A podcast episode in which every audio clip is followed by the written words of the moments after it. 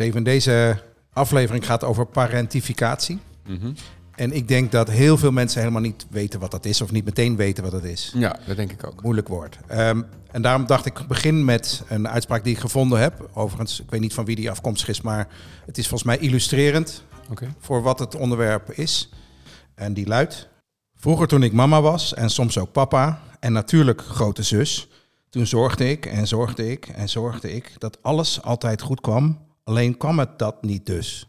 Ja, Vat dat wordt wel heel samen. mooi beschreven. Ja? Ja, dat vat het goed samen. Dus eh, wat deze vrouw, hè, want inmiddels een vrouw denk zus, ja. duidelijk maakt, is dat eigenlijk de oude kindrol is omgedraaid. En dat gaan we daar gaan we het over hebben vandaag. Daar gaan we het over hebben. Juist. Je luistert naar de 018 Benners en Pondcast. De podcast over de ontwikkeling van kinderen tussen de 0 en 18 jaar. De podcast wordt gepresenteerd door twee vaders. Steven Pont, ontwikkelingspsycholoog en systeemtherapeut, oprichter van het internetplatform 018. En voormalig journalist Martijn Bennis, tegenwoordig directeur van het ANP.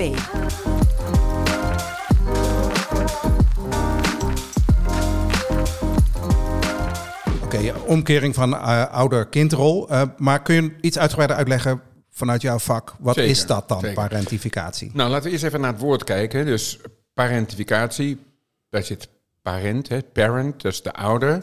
Parentificatie is de identificatie. Dus je identificeert je met de ouderrol als kind. Dus eigenlijk wordt de rolverdeling in het gezin omgedraaid. Dus je ouders zorgen niet emotioneel eh, voor jou, maar jij gaat om wat voor reden dan ook, daar gaan we het natuurlijk nog over hebben, heb je als kind, voel je de verplichting om in emotioneel opzicht voor je ouders te gaan zorgen. En eh, dat zien we bijvoorbeeld bij scheidingen, maar bijvoorbeeld ook eh, loop je er eerder dat gevaar als het niet goed gaat met een van de kinderen, een van de andere kinderen. En dan zie je dat vaker de, het oudste kind, of het meisje, of het oudste kind en het meisje, dat die geparentificeerd raakt. Dus die, die krijgt een dienende eh, rol. Vandaar ook dat in dat gedichtje hè, was het ook de grote zus. Wat helemaal niet zeggen dat dat standaard is hoor, maar ik vond het wel grappig in dat gedichtje. Dat het inderdaad precies die twee zijn eh, die eerder gevaar lopen om geparentificeerd te raken. En dat is, klinkt mij althans, eh, dat is een probleem, denk ik. Ja, dat is een probleem, omdat je moet een aantal ontwikkelingstaken uitvoeren als kind. Hè, en daar heb je je leeftijdsgenoten, heel veel contact met leeftijdsgenoten voor nodig. Dat ten eerste. En ten tweede moet er boven je een soort pedagogische laag zitten van je vader en je moeder en meester Hans, hè, of in ieder geval of je op kinderdagverblijf je pedagogisch medewerker. En onder hun paraplu, onder hun veiligheid kun je je dan ontwikkelen met je leeftijdsgenoten, in contact ook natuurlijk met die mensen. Maar bij parentificatie, eh, omdat je die duidelijke emotionele rol inneemt in de volwassen wereld, heb je bijvoorbeeld veel minder contact met je leeftijdsgenoten. Bijvoorbeeld omdat je naar huis moet, om, eh, om, omdat je moeder eh, helemaal ontdaan op de bank ligt, omdat, er, omdat ze niet met de vechtscheiding heeft om kunnen gaan en dan ga huis.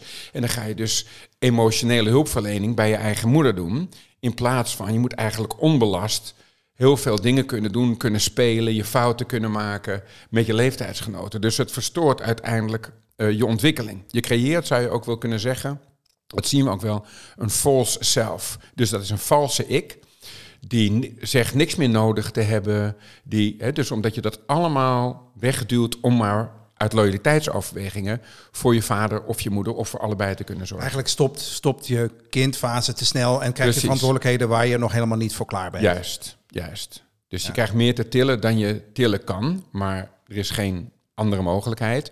En dus verstoort het je ontwikkeling. En Laten we eens proberen even beschrijven. Hè? Dus een, inderdaad een vechtscheiding. eh, en de oudste dochter, misschien is dat eh, een goed voorbeeld.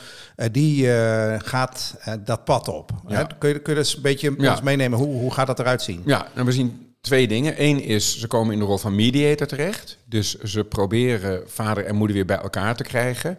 Of het kind wordt gebruikt als boodschapper tussen de vader en de moeder. Dus die komt eigenlijk in die, in die volwassen bovenlaag waar ik het net over had. Die krijgt daar een hele bepalende rol. Hè, dus, dus als boodschapper of mediator. Of bijvoorbeeld, eh, vader heeft alweer een nieuwe partner, maar moeder nog niet. En dan wordt zij als het ware de partner. Dan wordt ze niet alleen de ouder van haar moeder, maar ook nog de partner Dus omdat er dingen op volwassen niveau dan besproken worden. Van hoe moeten we met Jasper, ik zeg maar, omgaan, het jongetje. Dus dan wordt, en dat noemen we niet parentificatie, maar spousification.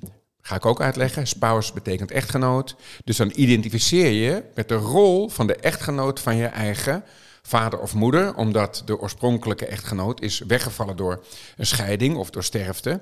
Maar ook dan moet je dus emotioneel eigenlijk een veel te grote broek aantrekken. Ja, het probleem begint dus eigenlijk bij de, bij de ouder. Eh, Die, die doet een beroep op een, op een kind. Ja, of een kind heeft het idee dat een ouder dat beroep doet. En daarom is het, je weet, alles ligt in communicatie. Dat we moeten onze kinderen in de, in de kinderlaag houden. En het is een hiërarchische relatie uiteindelijk. Kijk, als jij voor je moeder gaat zorgen, dan soms is het hartstikke leuk, hè? Want dan is het heel hecht. Uh, uh, alleen als je moeder je vriendin wordt, dan heb je, zou je kunnen zeggen, geen moeder meer. En met name op de moeilijke momenten is het fijn om een stevige bovenlaag te hebben, in plaats van dat je daar zelf al op te jonge leeftijd eigenlijk je positie in hebt moeten nemen. Okay, en als we het lijntje doortrekken, je bent vanaf je, laat zeggen, 12, 13, 14 of zo in die, in die rol geduwd. Of he, jezelf ingebracht. Ik, hè, ik weet niet precies wat de juiste term is, maar wat. En, en dan mis je kindertijd. Ja. Um, wat gaat dat betekenen voor de rest van je leven? Um, nou, dat je uh, bijvoorbeeld, we zien bij uh, mensen die geparentificeerd zijn op jonge leeftijd, hè, of die spousification hebben meegemaakt, die hebben eerder angststoornissen. Die vinden het moeilijker om op latere leeftijd ook hun grenzen te stellen. Want die hebben op hele jonge leeftijd geleerd dat hun grenzen eigenlijk er niet zo toe doen. Want je staat ten dienste van de volwassen wereld op het verkeerde dossiertje, om het zo maar even te zeggen. Dus um, die leren uh, hele malle gebieden op het gebied van grenzen. En dat noemen we ook wel differentiatie. Dus je bent, ze zijn onvoldoende gedifferentieerd. Wat betekent dat? Dat de grens tussen wie jij bent en wie ik ben, uh, dat die heel warrig wordt, dat die heel te zwak is. Waardoor je bijvoorbeeld voor de hele wereld gaat zorgen. Want dat is waar je op gewaardeerd bent op jonge leeftijd. Uh, nou, en als je daarop gewaardeerd bent op jonge leeftijd, dan is de kans vrij groot dat je dat in de volwassenheid doorzet. Dus je bent niet gedifferentieerd. Je vloeit samen met de wensenlijstjes van je omgeving. Ja, dus je, de kans op een gebalanceerde volwassenheid is wat, uh, wat, wat kleiner geworden hier. Juist, hè? dus ook verlatingsangst. Hè? Dus we zien nogal wat dingen terug, uh, ook bij die kinderen, maar zeker ook bij die kinderen in, op, op volwassen leeftijd. Nou, kan ik me voorstellen dat jij in jouw praktijk of in jouw ervaring wel eens dit hebt aangetroffen, dat neem ik aan. Um, en eigenlijk is het zo dat de situatie die je dan aantreft, is dat zowel de ouder als het kind, die, die kiezen daarvoor op een bepaalde manier. Ja, ja ze die, doen het. Ze doen het. Ja. Uh, hoe ga je dat losmaken? Nou, uh, een van de dingen is, wat is eigenlijk van wie? Het zoeken van een nieuwe partner. Is dat iets uit de volwassen wereld of is het iets uit de kinderwereld?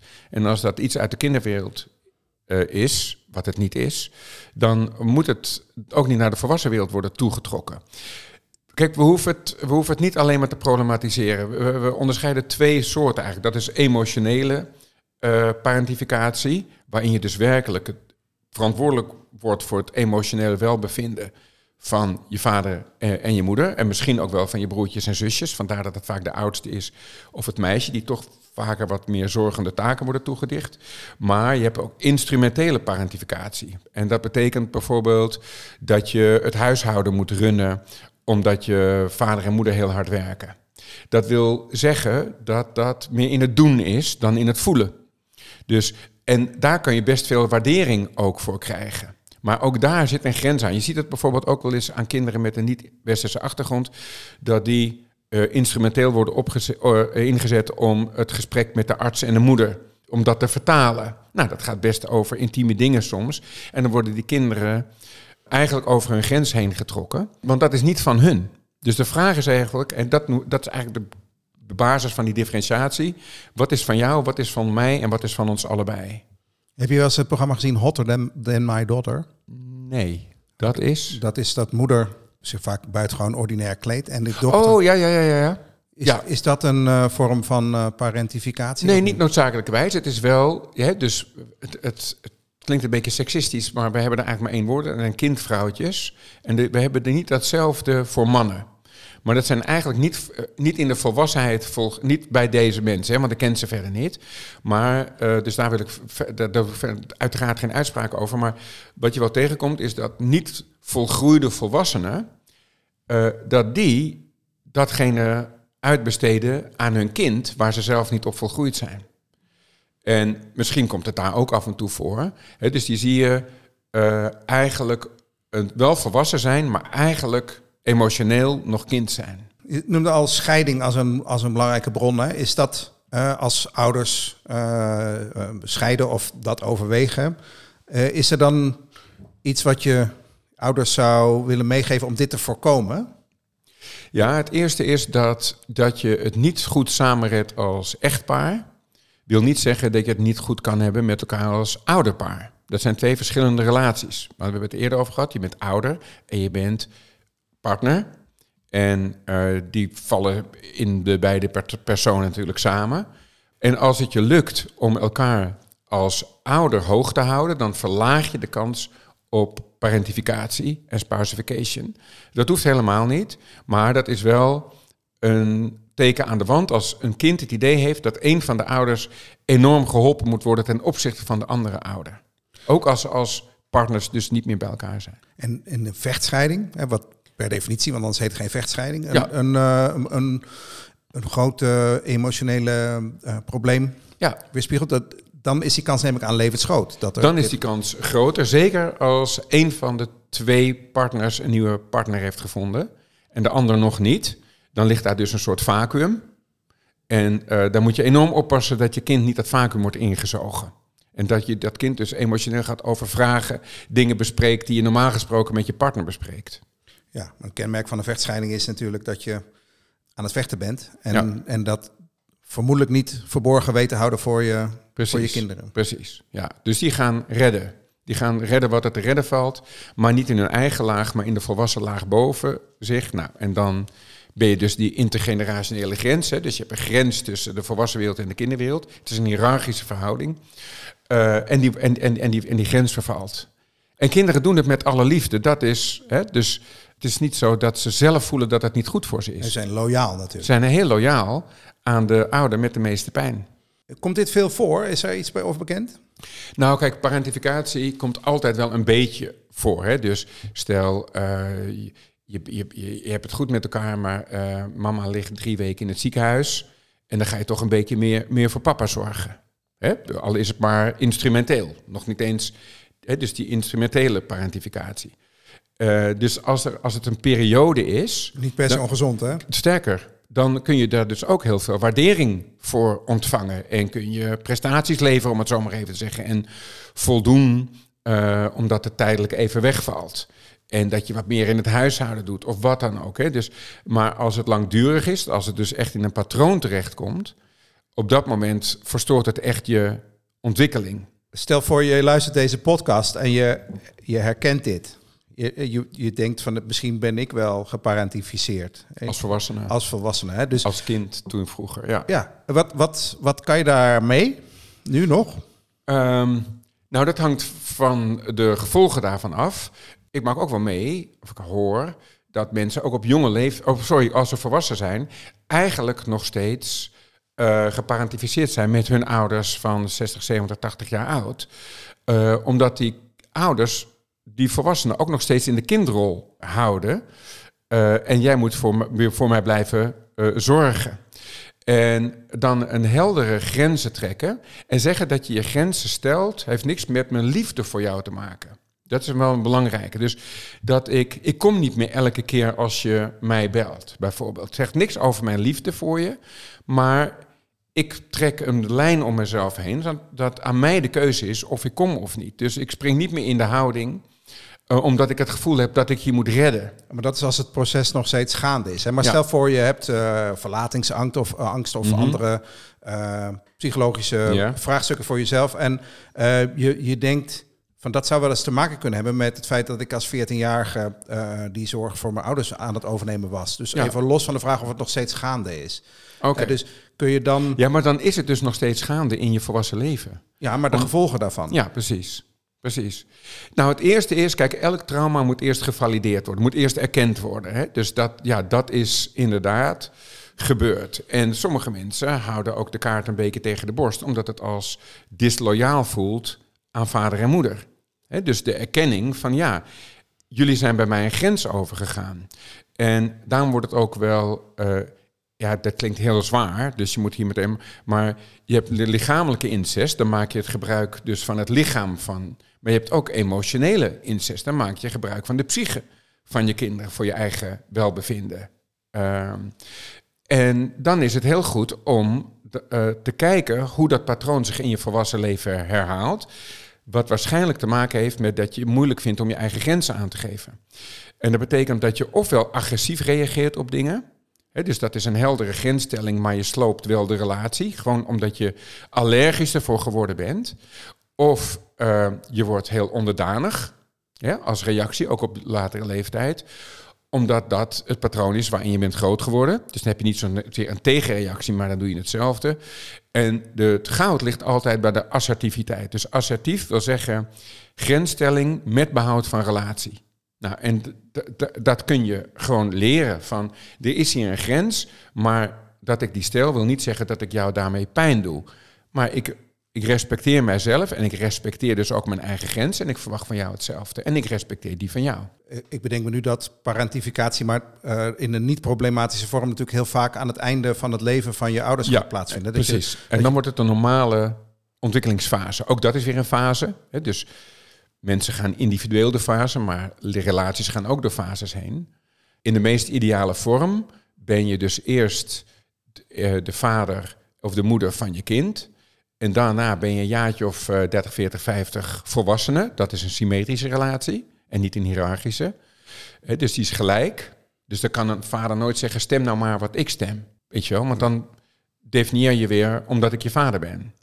En aan het eind van het leven, draait dan het draait, draait het zich om. En dan kan dat onbelast, omdat je ook 30, 40 jaar een volwassen relatie met elkaar hebt gehad. Maar dat is dus, parentificatie is een problematische vorm en dit is eigenlijk een natuurlijke. Ja, precies. Want parentificatie vindt plaats op een te jonge leeftijd. En dan ben je als volwassene ben je voor je ouders aan het zorgen. Wat wat anders is dan dat je dat als 14-jarig meisje aan het doen bent. We, zijn, we zitten hier niet in de collegezaal, maar we hebben de gewoonte om uh, een soort terug te kijken op onze eigen podcast.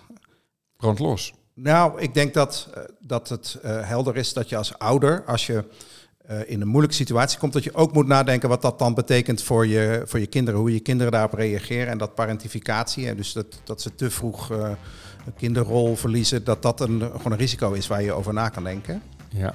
Nou, en dat is hem, denk ik. Ja, dat denk ik ook. Dat er een soort alertheid is van op het moment dat het moeilijk wordt, kan mijn kind nog kind zijn. Je hebt geluisterd naar de 018 Bennis en Podcast. Heb je vragen of suggesties? Mail dan naar podcast.018.nl. 018 schrijf je als NUL en dan het getal 18.